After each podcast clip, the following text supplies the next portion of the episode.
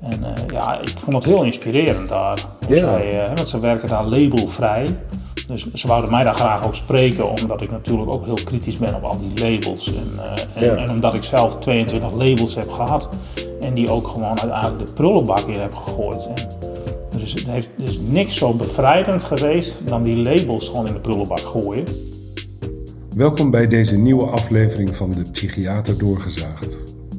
Allereerst dank voor de vele reacties op de vorige aflevering, waarin wij het boek Minder slikken, veel minder van psychiater Remke van Staveren bespraken. Over twee afleveringen, als ik psychiater Annemarie van Dam weer ga ontmoeten, bespreken wij de opmerkingen van luisteraars. Vandaag een aflevering met Ewout Katouw, de schrijver van het boek Wie is er nou eigenlijk gek?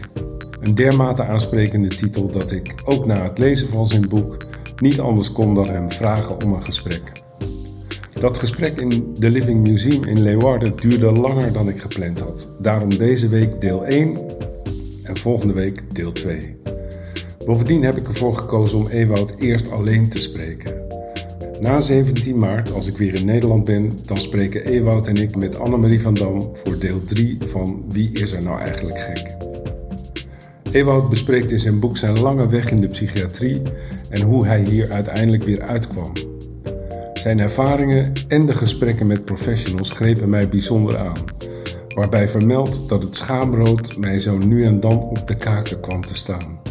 Waar ik in dit gesprek de ronde op zoek, zoekt Ewout de nuance. Oordeel zelf, luister en huiver en bedenk welke houding het best bij jou past. Er moet niks, maar omwille van zijn ervaringen zijn dit gesprekken die wat mij betreft gevoerd moeten worden. Veel plezier en wijsheid bij het luisteren van deze nieuwe aflevering. Nou, eh, Ewout, dankjewel dat je gekomen bent. Ja, nee, dat leek me wel leuk. Ja, Sowieso. nou ja, je doet meerdere podcasts, dus ik, ik was eh, eh, vereerd dat je ja zei. Ja. Je hebt me wel even gecheckt, zag ik toch, volgens mij. Even gegoogeld van wat is dat? Ja, Ja. ja, ja, ik wel even gedaan. Ja, niet veel hoor. Nee, Ik had zoiets van. eh, dus ik heb, ik, toen ik hier naartoe fietste, dacht, toen dacht ik dat ook nog. Ik denk, ja, ik heb niet heel veel over je gecheckt of zo. nee.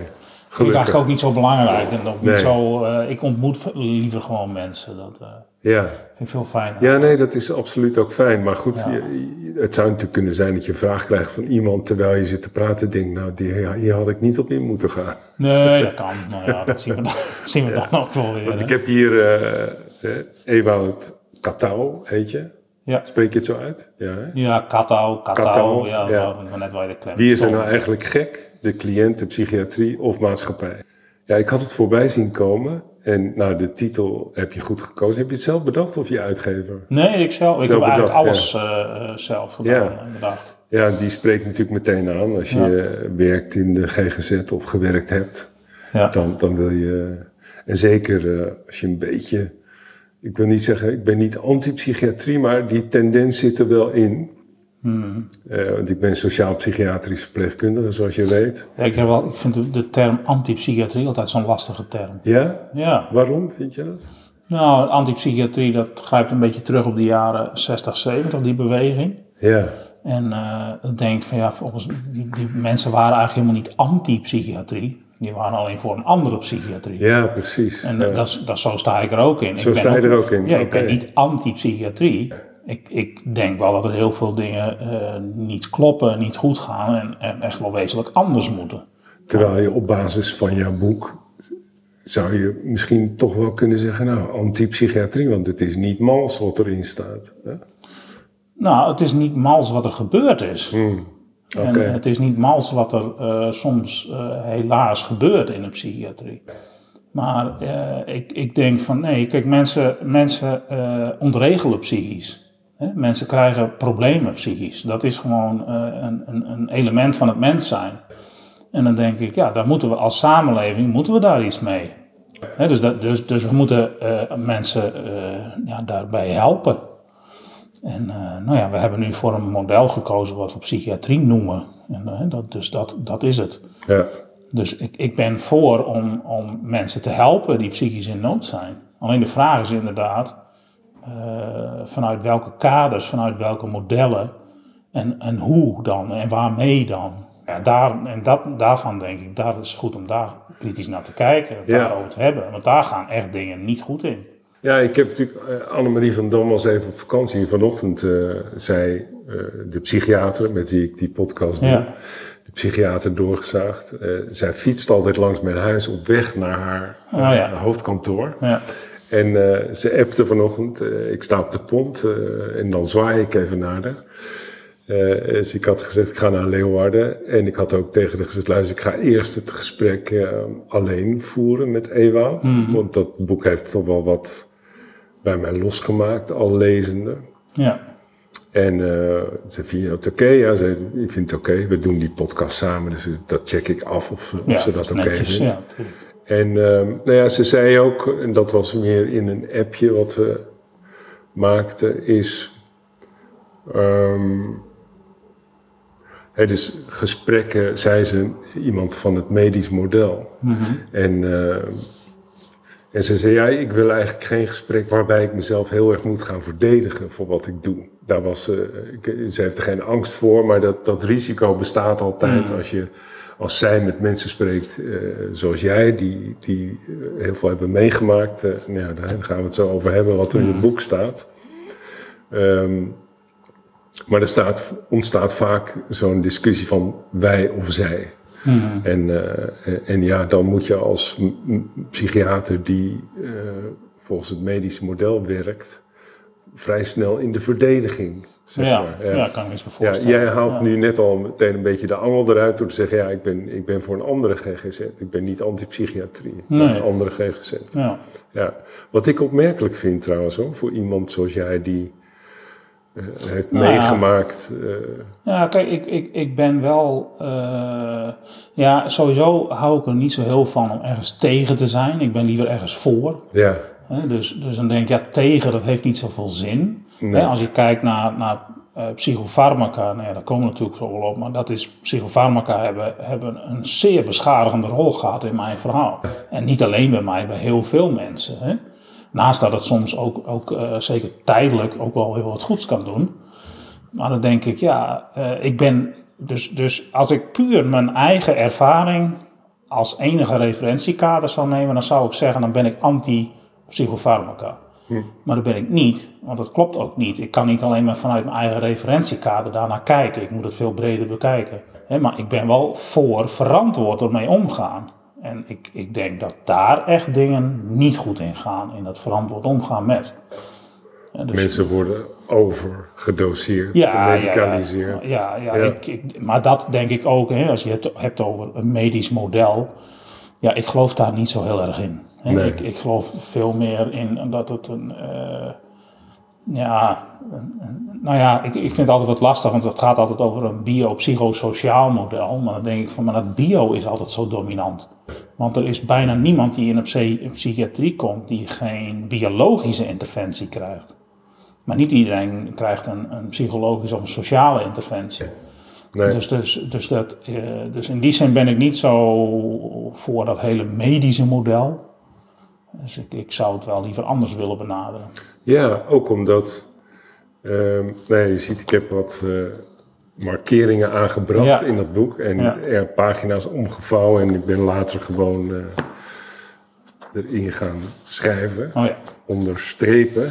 ja, Want, ehm, nou ja, ik, jouw relatie is al schokkend genoeg, maar toen kwam ik op een gegeven moment bij de interviews die je deed met eh, verschillende mensen. ja. Ja, die vegen eigenlijk de vloer aan met wat er in de GGZ gebeurt. Voor een groot deel wel, ja. Voor een groot deel wel. Ja. Ik schrok ervan. Ik dacht, Ja. maar dat zijn de mensen die de dienst uitmaken. Voor, voor een deel. Nou, ja, nou, ik heb voor mijn, voor mijn boek ben ik wel op zoek gegaan naar eh, mensen die sowieso kritisch kijken naar dat hele, eh, Ja. ja. in die zin medestanders. Ook een aantal niet. Hè. Ik heb Ja. bewust ook een aantal uitgezocht waarvan ik denk, nee, maar die kijken er toch echt anders naar. Ik denk, maar dat is ook goed. Ja, wou ik ook laten zien. Hè? Dat, dat het niet. eh, sowieso is psychiatrie, no- dat is het nooit geweest, is het nu ook niet en zal het ook nooit worden. Is nooit echt een eenduidigheid in.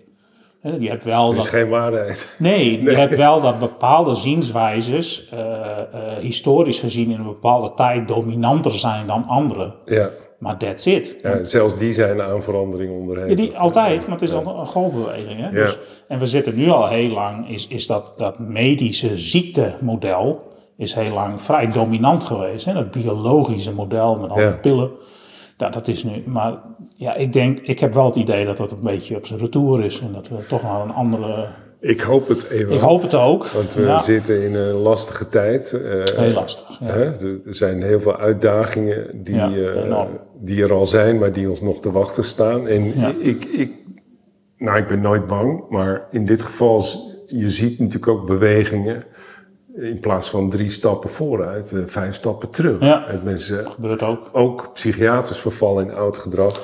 Nou, en, en dan mensen toch minder um, nou, wat ik heel, heel uh, sprekend vond, is dat uh, Paul Verhagen, die heb ik ook geïnterviewd voor het boek, die heeft uh, ook een recensie geschreven over mijn boek. En hij heeft ook een recensie geschreven recent, en het voorwoord ook, van het boek van Jan Vaudrin. Ja. En, Wie is van Hout. En um, eigenlijk zegt hij ook in, in, in, in de recensie van mijn boek, zegt hij ook van ja eigenlijk wat, wat mij is overkomen, daar heeft Jan 50 jaar geleden al voor gewaarschuwd. En, en hij zei ook van ja, de, de tijd stottert. en, dat is een uh, mooie, ja. de tijd staat niet stil, maar de tijd stottert. En we, we komen gewoon elke keer toch wel weer terug op dat stuk. En ik heb de, de, de weduwe van Jan Vaudrin ook uh, gesproken. Daar ben ik ook bij haar geweest. Echt ontzettend leuk gesprek. Heel fijn mens is dat. Ja, daar hadden we het er ook over. Ja, Jan die zei dat 50 jaar geleden al. De waarschuwde ja. die al voor dat, dat, hè, dat, dat, dat, het, uh, dat psychiatrie in wezen geen medisch vakgebied is. En dat we moeten oppassen met het medicaliseren en zeker ook met al die pillen. En ook Jan was niet volledig anti-pillen hoor. Nee. Alleen uh, wel, die zei wel van ja, maar zoals het nu, zoals het, we lopen het risico dat we dat veel te veel en veel te snel inzetten. Nou, dat is wel gebeurd ook. Dus in die zin uh, ben ik, denk ik ook wel eens van, vraag ik me ook wel eens af van ja, moet ik nou optimistisch zijn of pessimistisch? Of ja. ik, ik, weet het soms ook niet. En gaan we weer terug in de tijd. Ja, precies. Ja. Jan Voederen was ook iemand die ging, uh, als iemand geïsoleerd werd, ging hij ernaast zitten. Ja. ja. En, dat was eigenlijk open dialogue, ja, ja, ja, ja, zeker. Wat hij al deed. Dat ja. Ook andere mensen, de, hè, dus, dus naasten erbij betrekken en dat soort dingen. Ja, precies, ja. Maar ik, ik, ik, ik, denk, je moet het volgens mij in een in nog een veel bredere uh, context zien, de psychiatrie, hoe de psychiatrie zich ontwikkelt. Want uh, de psychiatrie past zich aan aan uh, de samenleving. De tijdgeest. Aan de tijdgeest. Daar past ja. de psychiatrie zich op aan. En we zitten vanaf de jaren tachtig heel erg in dat neoliberale marktdenken, economie boven alles. Iedereen moet uh, efficiënt productief zijn. En gelukkig zijn. En ja, en, en, dus daar zitten we heel erg in, in het maakbare, het maakbaarheidsdenken. Dus denk ja, en dat past de psychiatrie past daarop aan. Ja. Dus de psychiatrie wordt ook een marktwerking, gaat ook over de economie, gaat ook over uh, nou ja, dat soort zaken. En in, in, in die hele samenleving waar wij nu in zitten, daar is het gewoon, uh, daar hebben wij gewoon overtuigingen gekregen dat als wij een probleem hebben in het leven of dingen zijn niet goed, hè, we, streven naar een maximaal comfort en luxe. En uh, alles wat dat niet is, dat geeft niks. Als je maar genoeg geld hebt, dan kun je daar een product of een dienst voor aanschaffen en dan kom je daar wel. Ja. En dat is wat de psychiatrie in mijn optiek ook heeft gedaan. Hè? Want we hebben wel producten. Nu zie je het ook weer. Nu zijn ze weer druk bezig met de S-ketamine, uh, al dat soort middelen. Dan denk ik, oh jongens, er komt weer een hele nieuwe golf aan. Ja. Hè? Maar altijd weer gericht op uh, producten buiten de persoon zelf om. Ja. En, en, denk van, ja, een leven zonder lijden.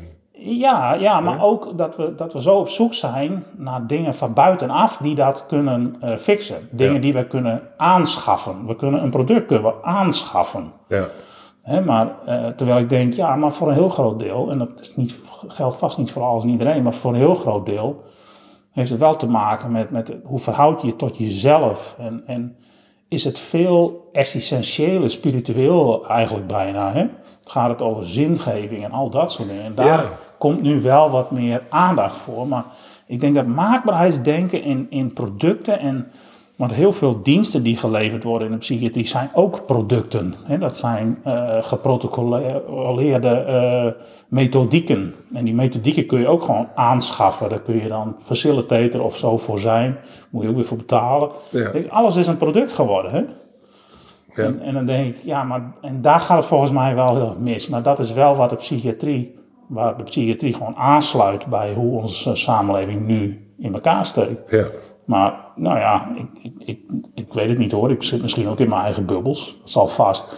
Maar ik krijg toch het idee dat de hele samenleving, dat maakbaarheidsdenken en economie boven alles, dat dat toch steeds meer weerstand tegenkomt. Dat er toch wat in de knel begint te komen. Ja, als het effect is dat, uh, dat er heel volkstammen niet mee kunnen in die Nou vaart der volkeren. En, Dat- en daardoor buiten ongelijkheid die steeds groter wordt. En veel dan klopt het niet helemaal, Nee, toch? nee daarom. Dus, dat dus legitimeert ook dat je mensen dus gewoon opsluit. ja, ja. Ergens in een gebouw eh, Ja.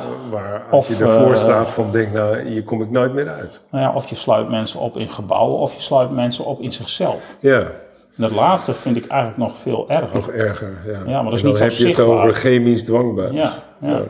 Ik heb recent een, een podcast met een, eh, een jonge dame opgenomen die dat ook zei. Die had ook antipsychotica gekregen. En ze zei, ze had al moeite om eh, in contact te zijn met andere mensen. Vond ze altijd al lastig. Maar ze, toen ik antipsychotica kreeg, toen kwam ik helemaal in mezelf te zitten. En dan kon ik helemaal niet meer in contact komen Nee. met andere mensen. Dus dat vond ze verschrikkelijk en heel traumatiserend. Ja. Denk, ja, en dat heb ik ook vaak gedacht. En ik heb natuurlijk ook zware medicatie gehad. En dan weet ik ook nog wel, dan kon ik ook totaal niet in contact komen. Terwijl Dat iemand lukte gewoon Nee, het lukte gewoon echt Er niet. lag gewoon een filter in je hoofd. Ja, ik, ik kan me nog heel goed herinneren dat eh, mijn beste vriend, die, die zocht mij dan thuis op. En dat heeft hij later ook wel gezegd. Hij zei, ja, ik ging naar bij jou zitten. Maar er was geen Er contact. gebeurde niks. Maar hij zei, ik vond het wel fijn dat ik gewoon even bij je kon zitten. Maar ik weet dat ook nog wel. Ik denk, als iemand dan tegen mij praatte, dan, eh, dan hoorde ik klanken. Maar die klanken hadden geen betekenis meer. Nee. Dus ik kon daar ook niet meer op reageren, want die, dat betekende niks meer. Het waren alleen nog maar klanken. Ja, ja, ja. Dat is doodeng. Als, als, je, als je zo ver eh, weg bent, eigenlijk, hè, door, door, die, door die medicatie, dat je. Ja, het is een vorm van chemische lobotomie op zo'n moment eigenlijk. Hè? Zo Dus- zou je dus- het wel kunnen zeggen. Ja. ja, want de delen van je hersens worden gewoon helemaal lam gelegd eigenlijk. Ja. Dus, dus er is geen contact meer mogelijk. Niet met jezelf en niet met je omgeving. Ja, Ja, dat is heel eng. ja. Dus dan denk ik, ja, hè, dan opsluiten. Dan denk ik, nou ja, als je iemand echt in een isoleercel zet of zo, dan, dan is het nog zichtbaar dat je iemand echt opsluit. Maar ja. ehm, met dit soort middelen. Ja, ik, je noemde die isoleercel. Dat, dat gevoel overviel mij eh, toen ik jouw boek aan het lezen was. Want Hmm. ik, ben, ik ben opgeleid als verpleegkundige Ja, eh, in psychiatrisch ziekenhuis en de geest. Wie die naam heeft bedacht, weet ik niet. Maar dat is een verschrikkelijke naam. Ja. Nu heet het Rivierduinen. Oh ja. Iets Iets mensvriendelijker. Ja, ja, ja. Eh, maar ehm, ik, ik moet zeggen, ik, ik rij wel eens door Oegstgeest nog. En eh, ik hou van dat ziekenhuis. Tenminste, niet van het ziekenhuis zelf, maar van de mensen. Ik maakte deel uit van een dorp. Hè. Dus Ja. Als je daar zes van de zeven dagen per week eh, rondloopt en aan het werken bent. En, eh, eh, ja, dan, dan wordt het een soort dorp voor je. Waar, waar heel, ook voor hulpverleners heel moeilijk is om daar uit te breken. ja. Die behoefte had ik trouwens wel. Ehm, ik dacht wel, nou, zodra ik dat papiertje heb, dan ben ik hier weg. ja. Want ik voelde me ook niet gelukkig op die afdelingen, zeker niet waar heel veel repressie was. En Nee, allerlei nee. afdelingsregels. En, ehm, ehm, maar ik- ter- terwijl ik dat boek las, ja, ik schaamde me dood eigenlijk. Want ik heb het ook gedaan. Met tien man bovenop een mannetje van Hmm. Ja. 1,50 meter duiken. En eh, die een isoleercel indouwen, Ja, door de spijkerbroek heen Ja. injecteren. ehm, het beeld. ehm, ze zijn nu aan het macrameën, geloof ik. Ik denk dat boven. ja, ze zijn eh, boven Nee. aan het trommelen. Eh, ja. Ja. Het beeld, eh, en zo zijn er vele voorbeelden, dat, dat mensen aan de verpleegpost kloppen Ja. en niemand kijkt om. Nee, Eh, nu of, niet. We zijn nu... ja, eh, of er wordt gebeld en niemand loopt naar de voordeur. Of, eh, Nou, dat soort verschrikkelijke dingen. ja, Ehm, en, en ik heb het allemaal meegemaakt. Ja, dus, ja, ja. de afdeling Heren E kwam ik. En ehm, ik ga even vragen of ze daarmee willen stoppen. Ja. Dit, dit hoor je namelijk helemaal Ja, dat, dat denk ik ook wel, ja.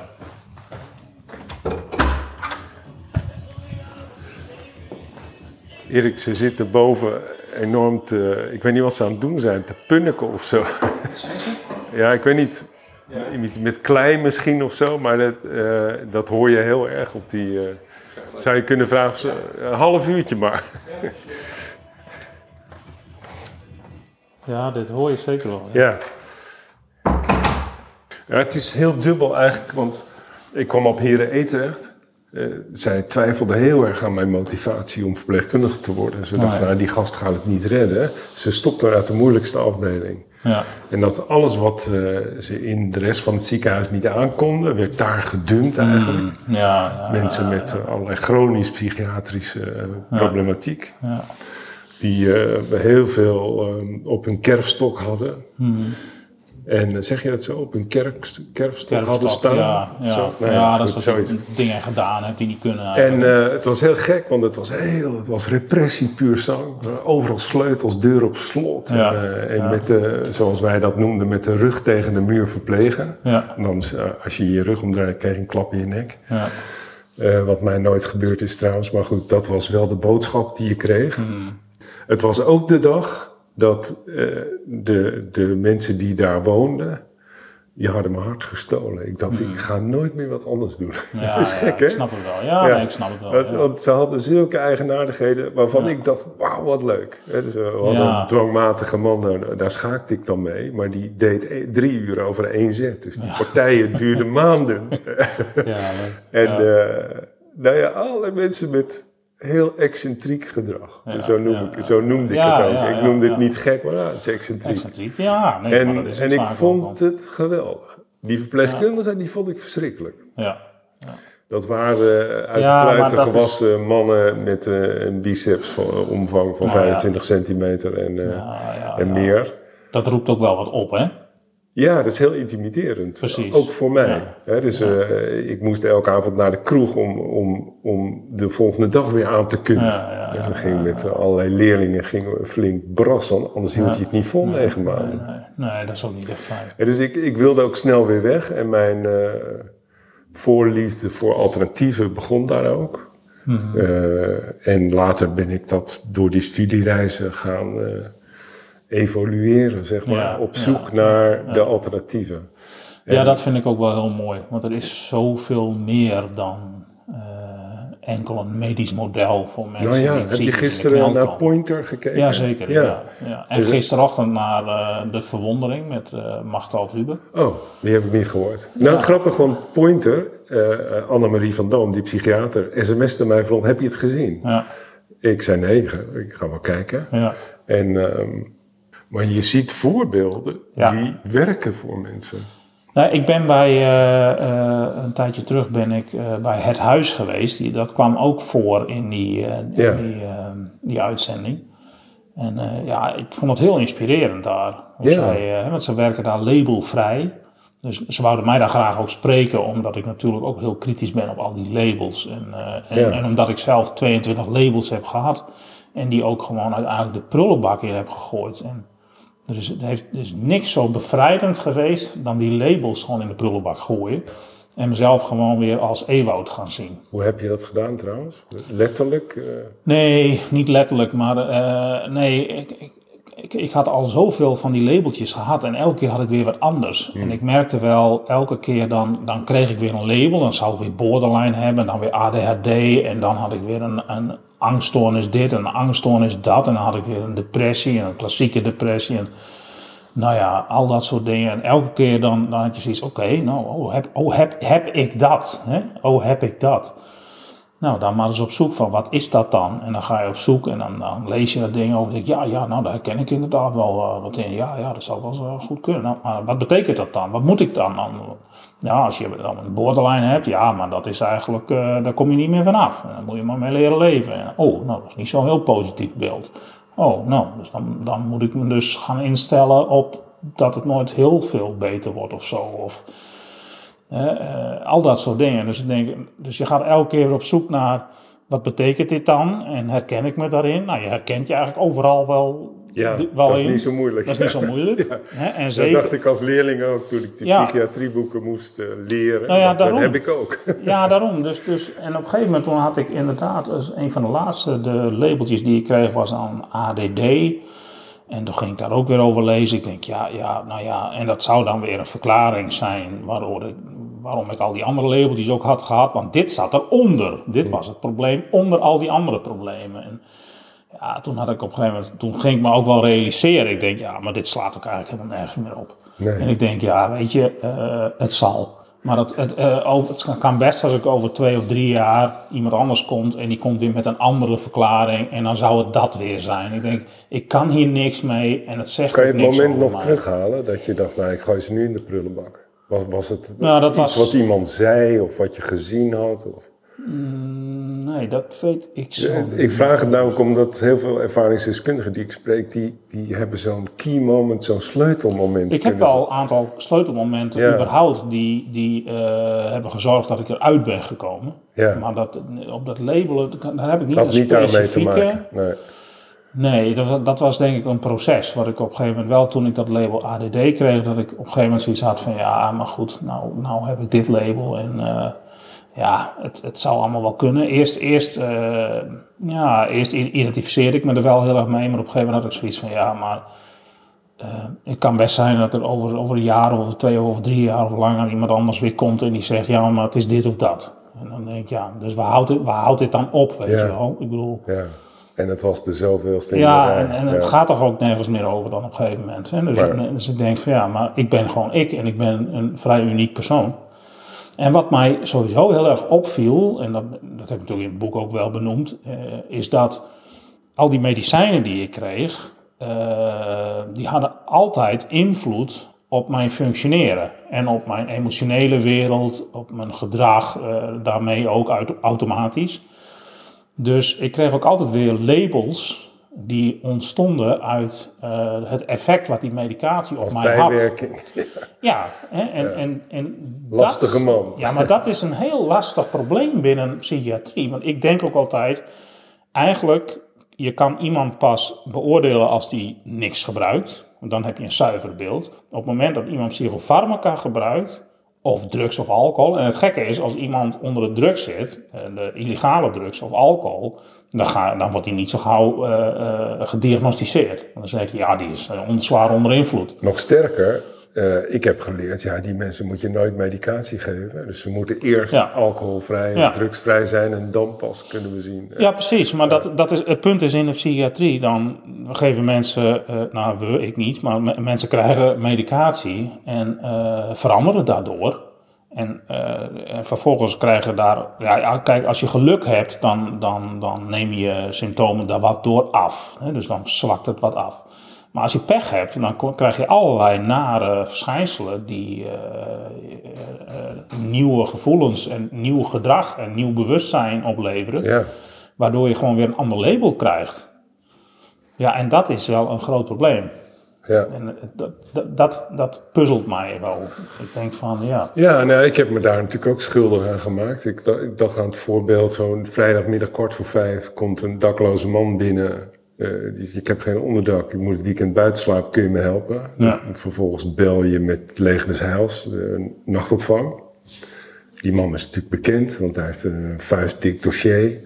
en, eh, en, en dan kom je met het leger des Heils overeen van nou, als het jou lukt om die man een C-map te geven, dan wordt zijn gedrag hanteerbaar en dan Ja. mag hij komen. ja, En dan ging ik terug naar die eh, arme man. Dan zei ik, ja, eh, als je nu een C-map neemt, 20 milligram, dan, eh, nee, dat werkt, werkt dan een week, antipsychoticum, dan, dan mag je daar slapen. ja, en die man werd boos op mij. Ja. Die, die zei, wat ben je helemaal gek geworden? Wie is hier nou gek? Ja. Ja, titel. Ja. Letterlijk. ja, ja, want weet je wat er met mij gebeurt als ik die pil neem? Nou, wat gebeurt er dan? Ja, dan, dan ben ik een dag lang misselijk. Ja. Ik ben niet alert. Dus dan stuur jij mij naar het gastenverblijf. Dan ben ik mijn rugzak binnen 10 seconden kwijt, want ik let niet goed op. ja, Omdat ik eh, helemaal eh suf ben van die medicatie. ja, Eh, en hij zegt, het is nog veel erger, want stel nou dat ik niet aankom daar, dan slaap ik het weekend op straat. met die medicatie in mijn Ja. lijf. En eh, wat ben jij voor barbaar, zei Ja. hij. Ja, en dat dan, snap hem. toen ik Ja. nog heel jong en, eh, en onervaren was, ging ik dan terug naar het team. Zei, ah, een lastige man, zei ik dan. Eh. Dus daar valt niet mee te praten. Ja, wij En die man had volstrekt gelijk. Ja, die had het zeker. Ja, Ja. ja. Ja, ja, ja. maar dat is ook het lastige. Alles is in psychiatrie, of ja, bijna alles is heel subjectief. Hè, En, en het is maar vanuit welk kader kijk jij naar de ander? Ja. En, en wat zie je dan? Ja. En daar zit natuurlijk een mega verschil in. En als je in een kliniek naar iemand kijkt, dat is toch anders dan wanneer zoals in Nou ja, ik- Pointer in een herstelcentrum naar Ja, ik, kijkt. ik, ik heb in een forensische kliniek waar ik stage heb gelopen, zei ik op een gegeven moment ook tegen een psycholoog. Ik zei van, nou ja, ik zei, mensen, want ik zat daar op een afdeling waar mensen binnenkwamen en werden daar ook beoordeeld. Maar ik zei, hoe kun je eigenlijk iemand hier goed beoordelen? Want ik zei, als je ons als team hier zeven dagen in de week, 24 uur per dag op dit kleine eh, kaveltje neerzet, dan gaat er binnen dat team ook van alles gebeuren. Dan Ja. gebeuren daar ook hele gekke dingen. Dus toen zei zij ook, ze zei, ja, dat is wel goed om even bij stil te staan. Inderdaad, daar heb je ook wel gelijk in. Dat is natuurlijk ook heel lastig. Ja, Want eh, in zo'n situatie, waarin je ook nog eens constant in de gaten wordt gehouden, je helemaal geen privacy meer hebt, je zit met allemaal mensen die jij niet kent, waar je niet voor hebt gekozen. Eh, ja, je kunt het eigenlijk nooit goed doen. nee, nee. Dus, dus dan zie je het, welk beeld krijg je dan Moet, van moet iemand? daarom de GGZ op de schop, eh Ewout? Moet het gewoon die klinieken afbreken, eh, zoals ze in Italië hebben Ja. gedaan? En, en Nou, ik, ik, kleine centra waar met mensen die, waarmee het echt niet goed gaat. Nou, kijk, het, ik, ik vind het heel lastig. Hè? En eh, ik heb dan eh, zelf bijna 25 jaar als cliënt in die psychiatrie rondgelopen. En ik heb de laatste jaren veel erover gelezen, veel mensen gesproken, veel over nagedacht. En opleiding tot ervaringsdeskundige gedaan. Maar ik ben de laatste die zal zeggen dat ik wel weet hoe het moet. Maar dat weet ik niet. Nee. Alleen, eh, en dat is waar ik in mijn boek ook wel toe, toe oproep, van ik, ik denk wel, we moeten echt met elkaar een open dialoog gaan voeren over van wat voegt waarde toe en wat neemt waarde weg. En ik geloof dat er heel veel dingen gebeuren in de psychiatrie die waarde wegnemen uit mensenlevens. En soms wordt er ook waarde toegevoegd, maar die, die waarde die toegevoegd wordt, die zit hem denk ik, als ik naar mijn verhaal terugkijk, dan denk ik, eh, wat en wie hebben dan in, in die, die, die bijna 25 jaar, zolang ik erin heb gezeten, wat heeft dan in mijn leven waarde toegevoegd? Daar waren dat een paar mensen. Ja, niet Die- zoveel. Nee, maar er waren een paar mensen, maar die in de relatie die ik met hun had, eh, eh, daar iets in deden. Maar wat moeten we dan met mensen die het niet doen, Ewout? Die wat niet doen. Nou, die, eh, die volstrekt volgens het medische model denken en, en, en jou een 10 minuten gesprek aanbieden. Hoe gaat het? Gebruik je medicatie tot volgende week? Wat moeten we Ja, nou ja, maar dat is, ja, maar dat is en ook zo lastig. Kijk, het, het begint volgens mij bij de opleiding. Als jij in Nee, maar wat ik wil zeggen, ik onderbreek je even. Ja. Als je het niet erg vindt. Nee, is goed. I- Iedereen heeft een reden om te doen wat hij doet Ja. en te zeggen wat hij zegt. Er, ik ken mensen in de GGZ die staan lijnrecht tegenover wat jij in dit boek hebt geschreven. Wat moeten we met die mensen? Ja, Die lastige. Ja, dat is een lastige. Ik begrijp dat het antwoord moeilijk is, maar Nou ja, ik, ik denk toch dat de dialoog en eh, kijk, ik denk dat het, het gaat heel erg om, en dat vind ik een hele belangrijke, ervaringskennis. Dus eh, uiteindelijk, en dat is wat dus mensen als Jim van ons natuurlijk ook zeggen, eh, en die hele herstelbeweging, het gaat erom, kijk, je kan randomized controlled trials doen over wat medicijnen doen, Ja. en je kan, je kan allerlei knappe koppen, allerlei eh, verklaringsmodellen en, en alles kan laten bedenken. Maar het gaat erom, wat gebeurt er werkelijk in de praktijk? Wat voegt waarde toe, wat neemt waarde weg? En wie kan dat beoordelen? Ja, Dat kunnen alleen de mensen beoordelen die het ondergaan. ja. Hè? Iemand die werkt mij... voor mij of niet? Ja. Ja, iemand die mij behandelt. Ik vind de term behandelen vind ik Ja, altijd al wel- ingewikkelder. Ja. Ik denk iemand die mij eh, ondersteunt, dat vind ik beter. Hè? Begeleid, ondersteunt. eh, eh, die kan denken dat hij waarde toevoegt. Maar die weet dat niet eerder dan dat hij het aan mij vraagt. En, en dat is bijvoorbeeld ook, vind ik ook een lastig probleem in de GGZ, in de psychiatrie, is dat eh, als je één keer cliënt bent of patiënt, hulpvrager, hoe je het wil noemen, eh, dan ben jij niet meer baas over de betekenis van zaken. Je voegt geen waarde toe. Nou, maar je bent ook niet meer baas over de betekenis van dingen. Mhm. Dus, dus eh, wat er jou gebeurt, wat jij beleeft, daar wordt door andere mensen betekenis aan gegeven. Ja, maar als dat zo is en jij zit op een afdeling waarin dat jouw deel is geworden, jouw lot, Ja. zou je dan niet moeten zeggen, "Oh, we sluiten die tent? Want dit functioneert dus gewoon niet. Nee. Dit helpt mensen niet. Nou, en, en dat geldt niet alleen voor de klinieken die jij beschrijft in jouw Nee. boek, hè, maar er, er zijn natuurlijk legio ja, over de hele wereld. Ja, ja, ja, ja, nee, Staat zeker. het vol met, en al die gebouwen lijken op elkaar, een groot hoofdgebouw en daarachter in vleugels. Nou ja. eh, Ik denk inderdaad, ik denk inderdaad dat eh, al die grote klinieken, dat dat niet helpt. nee, En, en dat medisch denken, hè, dat het allemaal eh, ziektes en stoornissen zijn.